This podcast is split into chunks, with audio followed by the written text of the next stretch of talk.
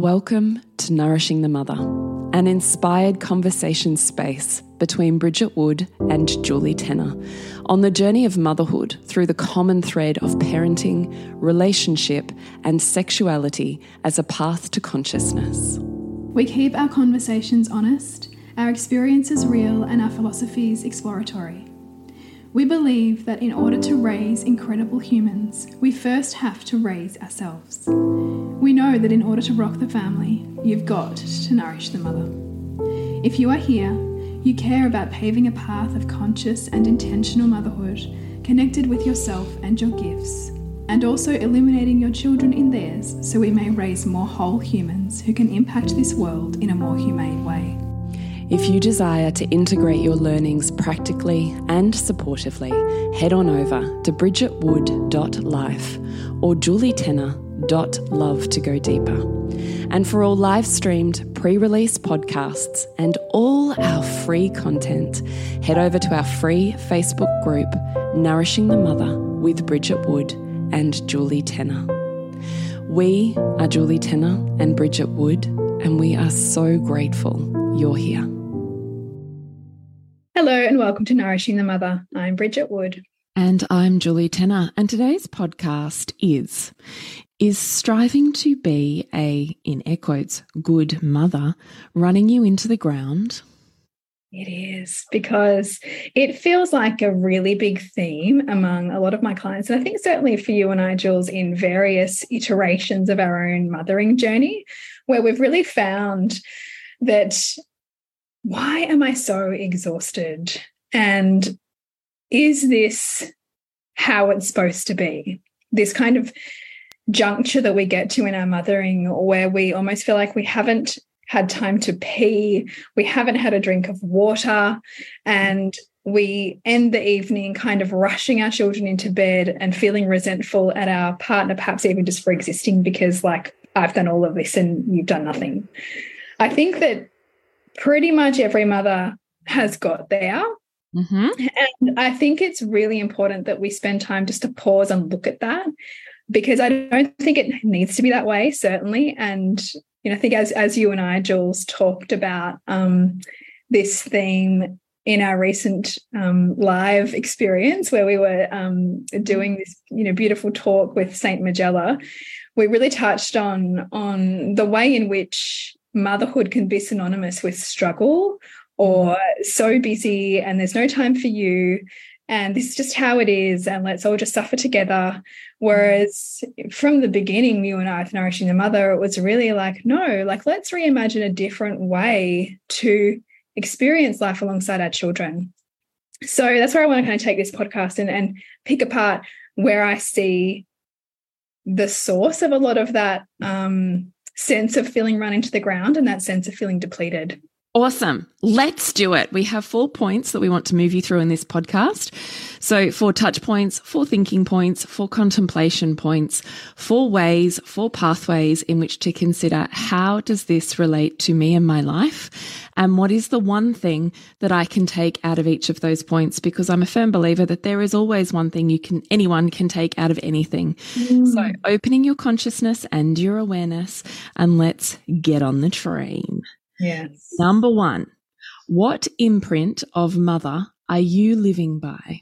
Mm, so, this might be one that you've done a lot of work around if you particularly feel like you've got a big mother wound. Or if you feel like, oh, no, my childhood was pretty good. Like, I don't really have you know much to talk about. It was pretty normal. But you find yourself absolutely like almost feeling like you the mental load and you are synonymous and that you have to do everything and that that's just what it's like. You give up everything for your children and for their needs and you you take whatever's left for you. An imprint like that typically comes from a mother who you saw barely sit down who you saw signed up for everything put her hand up for all of the things just was almost like a, a, martyr, but not overtly. It just was how she lived. And so you learned on some level, oh, that's what that's what worthiness looks like. If I keep pushing and I keep striving and I keep being better and doing better and just moving, then I'll be a good enough mother then. Mm. So that can be a big imprint that we can come with, or we can come with this imprint, which is feeling extremely um, undervalued or unseen by our own mother. And maybe even like our mother was too selfish to care for our needs. And so therefore we go the complete opposite and let the pendulum swing the opposite way. And then we we can't give enough to our children and we can't listen to enough of their feelings. And there's always more we could be doing at the end of every day. We're we're filling up, you know, we're filling ourselves with shoulds that we didn't get to do for our children that day, mm. and that could be the imprint from you know your mother not really being enough. So therefore, you need to do everything to be not like that. Mm. So really attuning to what's the story I tell myself about being a good mother, what is a good mother? And also considering that we only know what a good mother is, and all of this is in air quotes, of course, by the existence of what the bad mother is. Like you only know good because you know bad. You only know summer because you know winter. You only know it from the opposite feeling. And so, what is that for you? Maybe even, you know, I invite you to just write a list, like, you know, a good mother is, and then a bad mother is. And then consider also, too, how when you look around you and you see the mothers you follow on Instagram, or you see the movies that you watch, or the shows that you watch, or the things that you read, what is held up as good mother and how much that idealized version of motherhood is equated with a woman's goodness or a woman's worth, and how that is also shaping your own imprint. Mm, totally. Point number two pay attention to what is going on inside of you.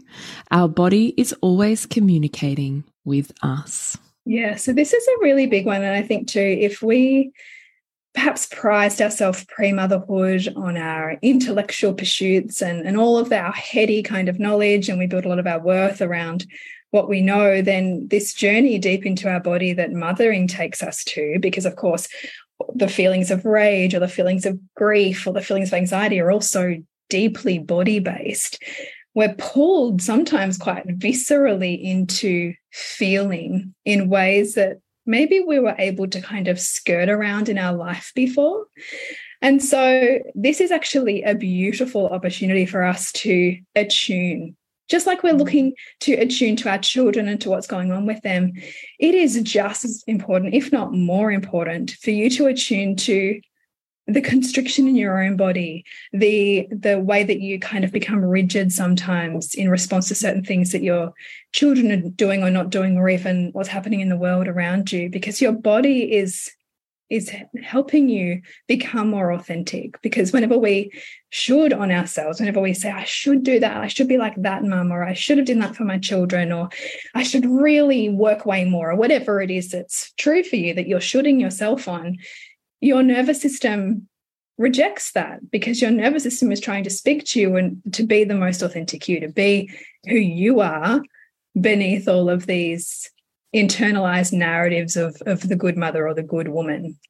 And so the, the attunement or the attention that you can give to your own body and attempting to sort out, you know, like, you know, why am I feeling like this? Or what what's the rage here for? Can give you lots of clues and actually lead you to the first question, really, which is which where we talked about the imprint. Like your your body is also helping you see what you've internalized and what you're also ready to go through a process of letting go of. Mm, totally. We're super grateful to our sponsor, Edible Beauty Australia, who are super aligned in our vision in supporting mothers to feel their best. And if you're anything like us, you've no doubt been on the hunt for the best natural beauty products and perhaps don't know which brands to trust. That's why we've done the hard work for you and collaborated with a naturopath founded, Australian made beauty brand originally created for pregnant and breastfeeding women. We want you to find small ways every day to connect with your inner goddess. The art of adornment and embodiment is purity, power, and a little luck thrown in, which edible beauty products are all about with their pure formulations, powerful botanicals, and luxurious textures. We are personally loving their newest launch, Phyto Stretch Mark Oil, a luxurious yet active natural stretch mark oil that works as quickly as in four weeks to combat new and existing stretch marks. And if you know me well, you know I'm a strong advocate for soft lips help smooth communication. And their Goddess on the go lip balm is the ultimate lip treatment for dehydrated and cracked lips. So go get yourself some tummy or lip love at ediblebeautyaustralia.com and use the code NourishMum25 for a 25% discount on your first order. Point number three What fears are exhausting you the most? Yeah, so this is a really big one. So, Jules and I, you've, Jules, Julie, you, you and I have talked, you, Julie, who I'm talking to, you and I talk a lot about this this idea that fear only exists in the present because we've had an experience of something in the past so, that we're wanting to avoid. And yeah, so, fear isn't new. You're not eh, fearful of something new. It's yeah. on repeat from the past. Yeah, and it may have been something that you yourself went through, or something that you perceive or you, you saw around you. And mm -hmm. so then what, what it becomes in your psyche or in your consciousness is something that you then want to avoid. And so as parents, we typically have four kind of key, fe key fears that drive often our, our exhaustion. And the first one is trusting our children. Can we trust them? The second one is, can I trust the world with my child? And third one, trusting ourselves. Can I trust myself with them? Mm. And then our own inner conflict of holding on and letting go.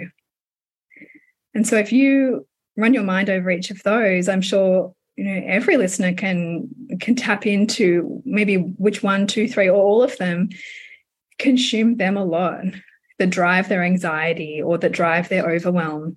And so paying attention to what those fears are and also looking at okay well, well where they come from? Mm. you know if i'm if my fear is trusting my children then then you know is there a story that i've got going on that i wasn't trustable as a child? And so i'm, I'm having to really re-examine that now you know if, if i can't trust the world then what have i learned about the world where have i learned that the world is unsafe you know can i also see that the world is safe too mm. how can i expand my understanding and look at why i carry these fears so mm. that our process of mothering becomes a little more conscious not in the sense of speaking perfectly to our children or anything like that but more what's driving me right now Mm. Because typically, as humans, we're either seeking something, like moving towards something, or we're moving away from something. So, and often it's, it's entwined, right? I'm seeking conscious parenting because I, I felt so unheard or, or, you know, unseen as a child. And that's what I'm seeking, which is beautiful if that lights you up. But if you're listening to this and feeling like, oh my God, I'm so depleted, then, you know, it needs some consideration and some attention. Mm.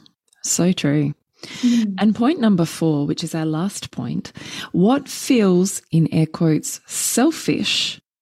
But then if you just took a minute to look a little closer, could or would actually be liberating. Mm. So I know for me, like I look at the things that I might think are selfish, like perhaps putting my kids to bed early or like de deprioritizing in my mind the bedtime, you know, whole routine so that I can watch a documentary that I'm really hooked on right now, which right now for me is Beckham. I've just finished watching it and I freaking mm. loved it. And so I noticed myself like doing this dance between, oh yeah, I want to give you like a connected bedtime experience, but I really want to go and actually watch this. And I could let go of like the perfect bedtime, seeing that actually me really filling my cup right now and watching this show and letting go of my bedtime rules would be liberating for me and actually liberating for my kids because I'm then not in this, come on, go to bed, you know, hurry up kind of thing, right? Mm-hmm. So whatever it is for you, what's this, what's this maybe um, experience that you see other mothers having on Instagram or on social media or around you that you bristle at, that you otherize and kind of go, oh no, I'm not that mother, or I couldn't do that.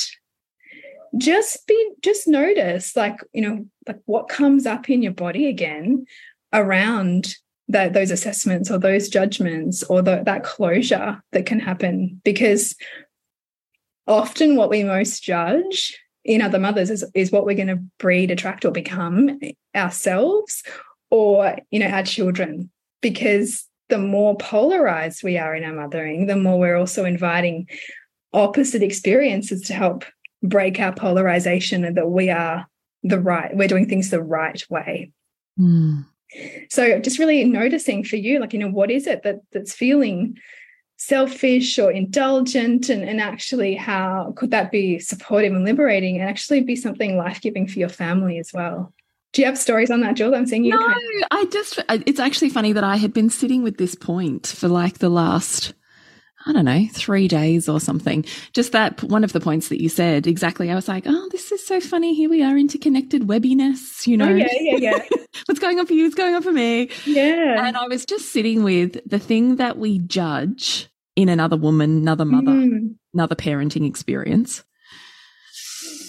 I think perhaps ultimately becomes the key to our own liberation. Yes. Yes. So I had just been reflecting on this and just looking back at, you know, previous incarnations of me as a mother and, you know, certainly as a woman too, but most notably as a mother and um, going, oh yeah, no, that thing I do now and it is liberating, but I hated that in someone else at one.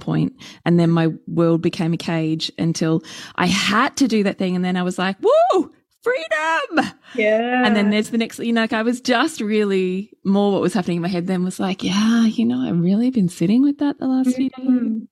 And this is why, this is why that premise exists that says we actually grow the most when we put ourselves in situations with people who have really different values to us because what that does just by by all of that triggery stuff that comes up it helps us see where we've built the cage Mm. And it helps us sift through okay, is this like really true me, authentic me, like sitting in opposition to this? Or is this me trying to protect or guard some kind of part of me that is attached to where I am or doesn't kind of want to grow past what I perceive I need to grow past so?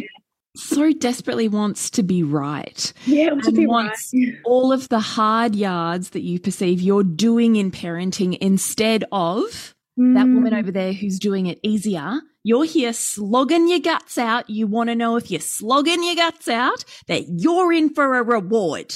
Well, you want to know, uh, like, how like, do you work the reward?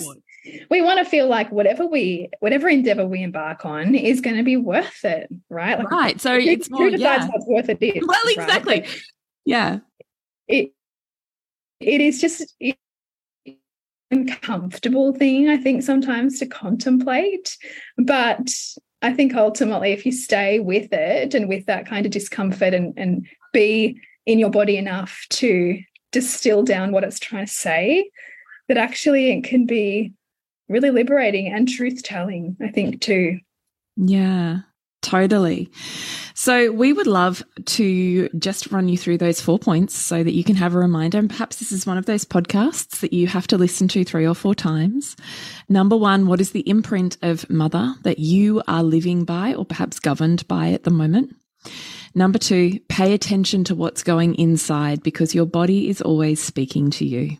Mm. Number three, what fears are exhausting you the most and can you take a closer look at where they're coming from? Number four, what feels selfish right now, but actually might hold the keys to your liberation? Mm, yeah, so I hope you maybe get out a journal or just sit with whatever comes up for you after this podcast and, and note down some answers for yourself. And if you're wanting to do some deeper work around this, um, I really invite you, if you're in Melbourne, to come and join me for a live event, which is really exciting because I haven't done one for quite some time. Um, and this one is a workshop. It's called Unmasking Motherhood, a workshop to enrich your mothering. And if you're not local to me, then a really great place to start with this kind of work and also the dynamic with your children and the parenting stuff that we're talking about here is my little mini course, Flow Mind Body Mothering. And you can find out more about both of those at bridgetwood.life. What's happening in your world, Jules? What is happening in my world? Yes, I have just finished this last week's Seductress. So actually, we are headed into boundaries. Next month is all about boundaries, building healthy boundaries as a woman and a mother in life, in relationship, but also most notably with the self. That's tend that tends to be where I see women have porous and leaky boundaries. So if you are ready to clean up all of the leakiness around your boundaries, then you can find out more about that at julietenner.love. Remember to nourish the woman to rock the family. And we'll see you next week when we continue to peel back the layers on your mothering journey. Thank you so much for listening. We literally couldn't do this without you. Please share this podcast with anyone you think it would be medicine for. If you desire to integrate your learnings practically and supportively into your life, then head on over to bridgetwood.life or julietenner.love to go deeper. And if you feel like giving back a little to this free content, please rate us on iTunes or Facebook, all of which helps the podcast reach more mamas who need this type of tonic for the soul.